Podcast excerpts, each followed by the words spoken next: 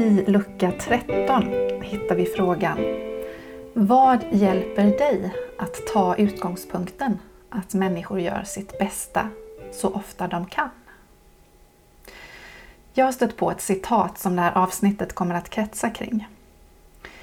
I know my life is better when I work from the assumption that everyone is doing the best they can. Det här citatet kommer från Brené Brown, en av mina favoriter. Hon är eh, doktor i sociologi och eh, författare till flera böcker på teman som skam, sårbarhet och mord. I eh, en av böckerna, Dare to Lead, så utforskar hon den här utgångspunkten att människor gör sitt bästa och vad det gör med oss. Hon vänder sig till dig som leder någon annan. Och det går precis lika bra att läsa hennes böcker om man inte är chef eller lärare utan en helt vanlig förälder. Och egentligen vilken bok som helst av Brené Brown ger mig någonting. I boken Dare to Lead säger Brené att det här är en färdighet. Det här att ta den här utgångspunkten, att människor gör sitt bästa så ofta de kan. Det är en färdighet som behöver tränas upp. Att kunna göra en generös tolkning av den andres beteende. Men när vi kan det, då får vi så mycket tillbaka i form av olika verktyg och även utifrån relationen sett. Brené Brown och hennes team intervjuade olika personer gällande den här utgångspunkten att andra gjorde sitt bästa så ofta de kunde och bara 50 hade det antagandet.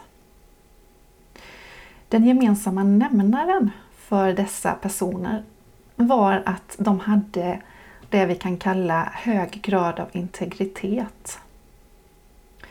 Så integritet ser ut att vara en av beståndsdelarna bakom att lättare kunna ta antagandet att människor gör sitt bästa. Det är vad Brené Brown har som hypotes i sin forskning och i sina böcker. Hon skriver så här. Det visar sig att vi tror det värsta om folks intentioner och avsikter när de går över det som vi ser på som våra gränser. Det är lätt hänt att vi tror att de gör det med flit då.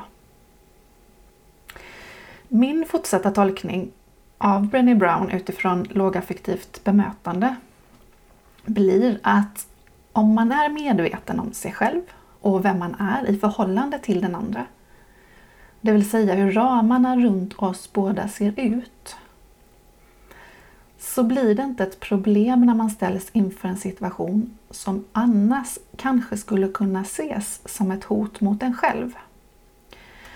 Om jag till exempel vet vem jag är utifrån min professionella roll och vad som följer med den. Eller utifrån min position som förälder. Eller vad jag nu kan vara. Så vet jag också vad jag behöver kunna hantera och möta.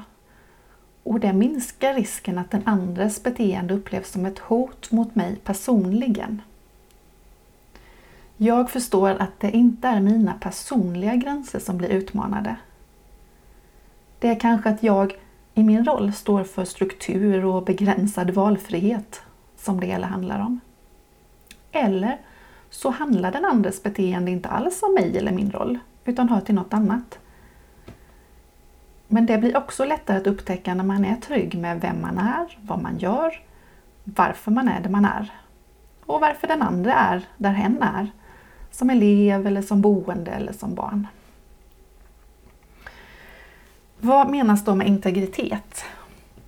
Brené Brown definierar det så här. Det handlar om eh, självkännedom. Att eh, känna till och förstå sig själv och sitt fungerande. Att inte låta andra definiera det egna värdet. Att ta hand om sina behov. Att eh, ha mod att stå för sina värderingar även fast det blir obekvämt och även fast man blir sårbar.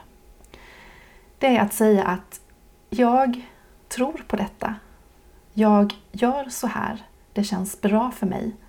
Även fast det kommer att ta tid, även fast det inte kommer att bli lätt. Men jag har inget annat val.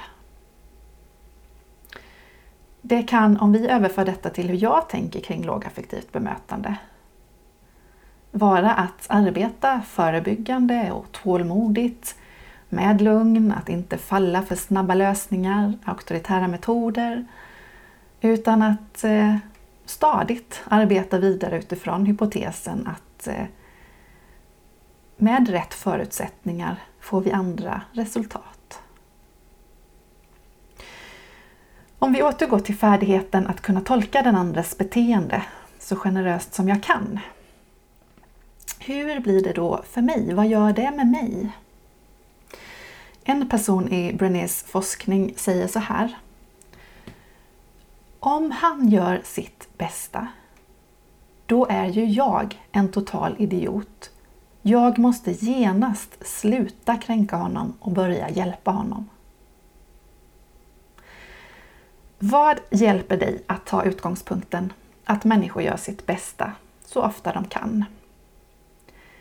För mig är det en hjälp att eh, påminna mig om detta varje morgon. Att meditera en liten stund och samla ihop mig själv. Och det handlar om fem minuter, det är inte mer än så. Men för mig är den stunden skillnad när det gäller mitt utgångsläge. Skriv gärna och kommentera på Lågaffektiva poddens Facebook-sida.